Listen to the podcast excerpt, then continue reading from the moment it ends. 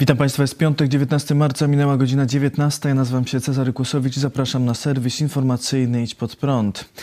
Czy czeka nas zakaz podróżowania w Wielkanoc? Portal Onet oraz RMFFM ustaliły nieoficjalnie, że Rada Medyczna rekomenduje rządowi wprowadzenie jeszcze mocniejszych obostrzeń w całym kraju.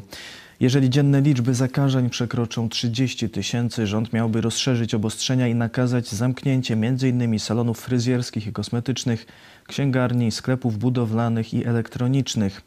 Możliwość rozszerzenia lockdownu zapowiadał już w środę minister Adam Niedzielski. Jesteśmy na takim etapie, że w zasadzie jeżeli ten ruch nie spowoduje wygaszenia epidemii, czy y, przynajmniej spowolnienia trzeciej fali, to na pewno kolejne kroki będą już no, typowym lockdownem, typową sytuacją, gdzie będziemy już e, zupełnie zamykać wszystko. Z informacji o netu wynika, że w kancelarii premiera trwają też prace nad prawnym umocowaniem zakazu przemieszczania się. Te informacje praktycznie potwierdził główny doradca premiera do spraw epidemii profesor Andrzej Horban, który w TVN24 powiedział, że jesteśmy blisko wprowadzenia zakazu przemieszczania się. Podkreślił, że ostatecznie decyzja będzie zależeć od rozsądnego zachowania ludzi.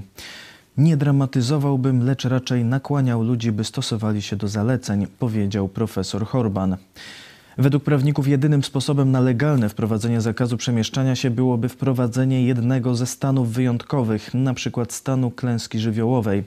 Zakazy wprowadzone w zeszłym roku rozporządzeniem zostały zakwestionowane przez Sąd Najwyższy, który uznał już kilka kasacji w sprawie nałożonych wtedy grzywien. 419 zgonów i 26 tysięcy nowych zakażeń chińskim koronawirusem to najnowsze dane przekazane przez Ministerstwo Zdrowia. Łącznie z powodu wirusa w Polsce zmarło już ponad 48 800 osób. W szpitalach przebywa obecnie 22,5 tysiąca zakażonych osób. W użyciu jest ponad 2200 respiratorów. To najwięcej od początku pandemii. W Polsce wykonano do tej pory ponad 4 miliony 890 tysięcy szczepień, w tym 149 tysięcy wczoraj. Już 1 730 tysięcy osób otrzymało dwie dawki szczepionki. Stwierdzono ponad 5 tysięcy przypadków niepożądanych odczynów poszczepiennych. Dziś opublikowano rozporządzenie opisujące lockdown, który będzie obowiązywał od jutra w całym kraju. Nauka w klasach 1-3 szkół podstawowych wraca na tryb zdalny.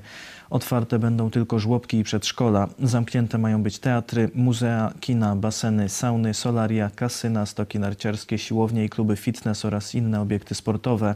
Nie będą mogły też działać hotele z wyjątkiem noclegów w ramach podróży służbowych oraz hoteli robotniczych. Zamknięte będą też sklepy w galeriach handlowych, z wyjątkiem sklepów spożywczych, apteki, drogerii, salonów prasowych, księgarni, sklepów zoologicznych i sklepów z artykułami budowlanymi. Będą mogły też działać lokale świadczące usługi fryzjerskie, optyczne, bankowe oraz pralnie. Otwarte pozostaną też kościoły, jednak jak dotychczas z ograniczeniem liczby osób mogących przebywać wewnątrz.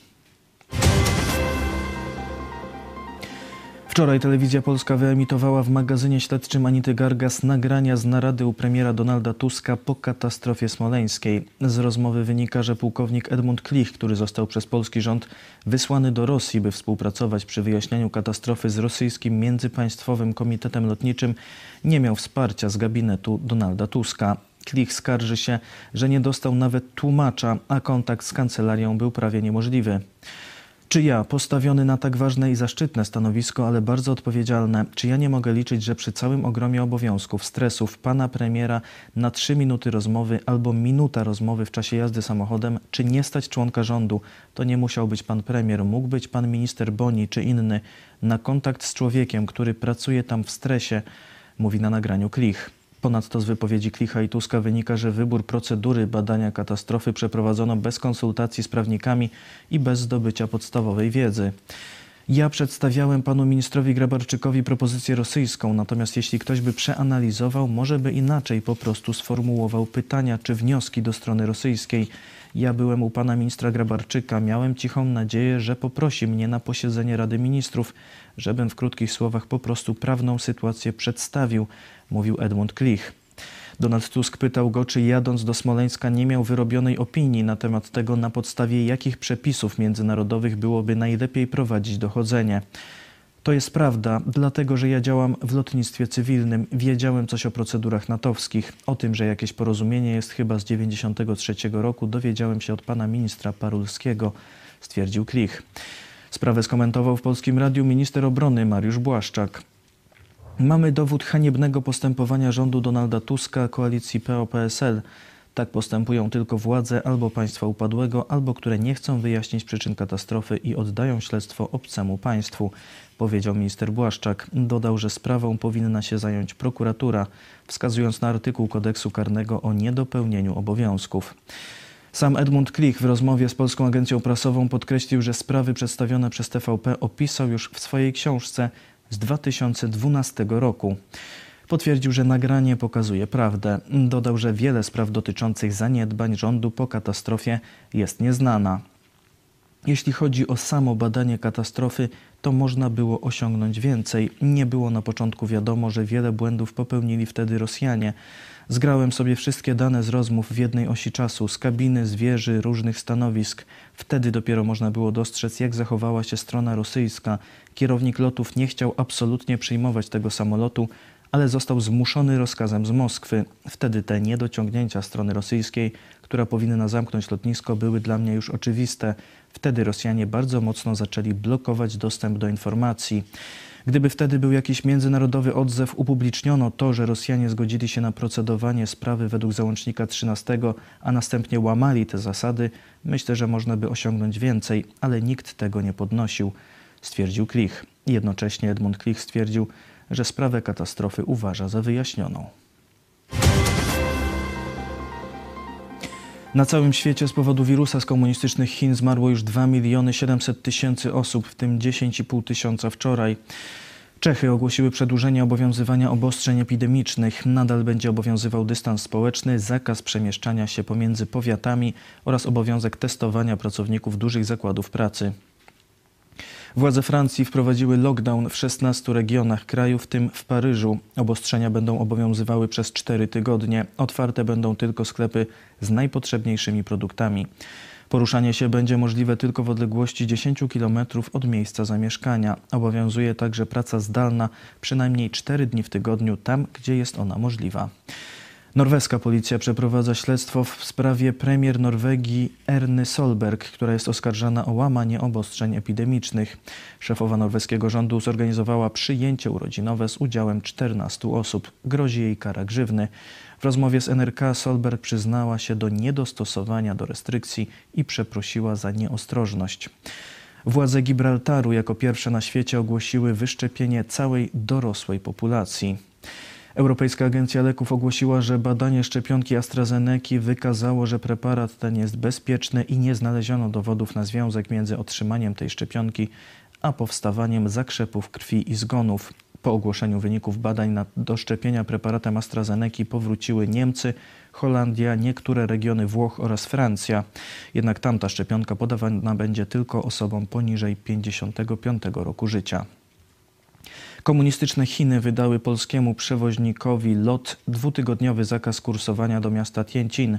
Powodem było stwierdzenie na pokładzie samolotu przylatującego do tego miasta obecności pięciu osób zakażonych koronawirusem. Zakaz ma obowiązywać do 22 marca.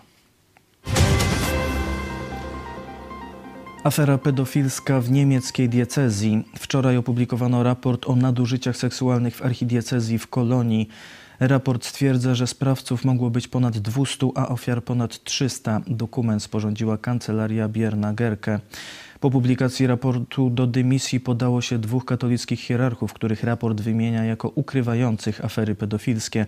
Arcybiskup Hamburga Stefan Hesse oraz biskup pomocniczy Dominikus Schwaderlap.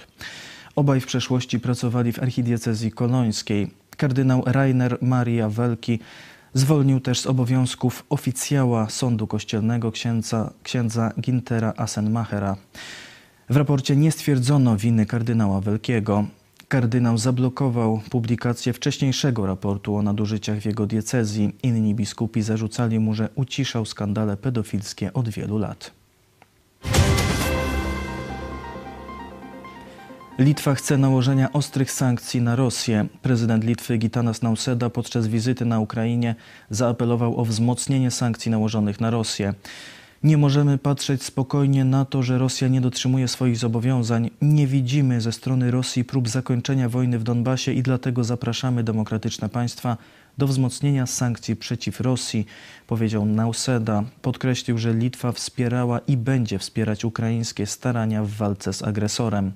Prezydenci Litwy i Ukrainy podpisali deklarację w sprawie europejskiej perspektywy Ukrainy, w której zapisano, że Litwa poprze starania Ukrainy o członkostwo w Unii Europejskiej. Czołowi urzędnicy Stanów Zjednoczonych i komunistycznych Chin spotkali się na Alasce. Po stronie amerykańskiej w spotkaniu w Anchorage na Alasce udział wzięli m.in. szef dyplomacji USA Antony Blinken oraz doradca Białego Domu do spraw międzynarodowych Jake Sullivan. Po stronie chińskiej główny dyplomata komunistycznej partii Chin Yang Jiechi oraz minister spraw zagranicznych Wang Yi. Jest to pierwsze spotkanie urzędników chińskich i amerykańskich od początku prezydentury Joe Bidena. Przedstawiciele państw wymienili pierwsze negatywne spostrzeżenia odnośnie do wzajemnej polityki. Szef amerykańskiej dyplomacji wyliczył nieakceptowane przez Waszyngton obszary chińskiej polityki. Wymienił wśród nich postępowanie Pekinu wobec Hongkongu, Tajwanu, Tybetu, Ujgurów w Xinjiangu. Wezwał stronę chińską do poszanowania praw człowieka.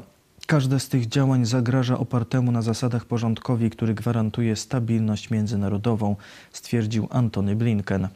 Główny dyplomata komunistycznych Chin odparł, że to Stany Zjednoczone muszą popracować nad tym obszarem, ponieważ to w USA ma dochodzić do mordowania Afroamerykanów. Mówił także o złym stanie amerykańskiej demokracji, ograniczaniu praw mniejszości w Stanach Zjednoczonych, a także o wadliwej polityce zagranicznej oraz handlowej USA.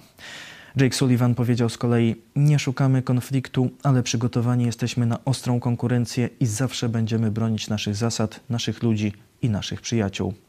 Po przemówieniach wstępnych chiński minister spraw zagranicznych powiedział, że nie tak traktuje się gości. I teraz przechodzimy do wiadomości sportowych.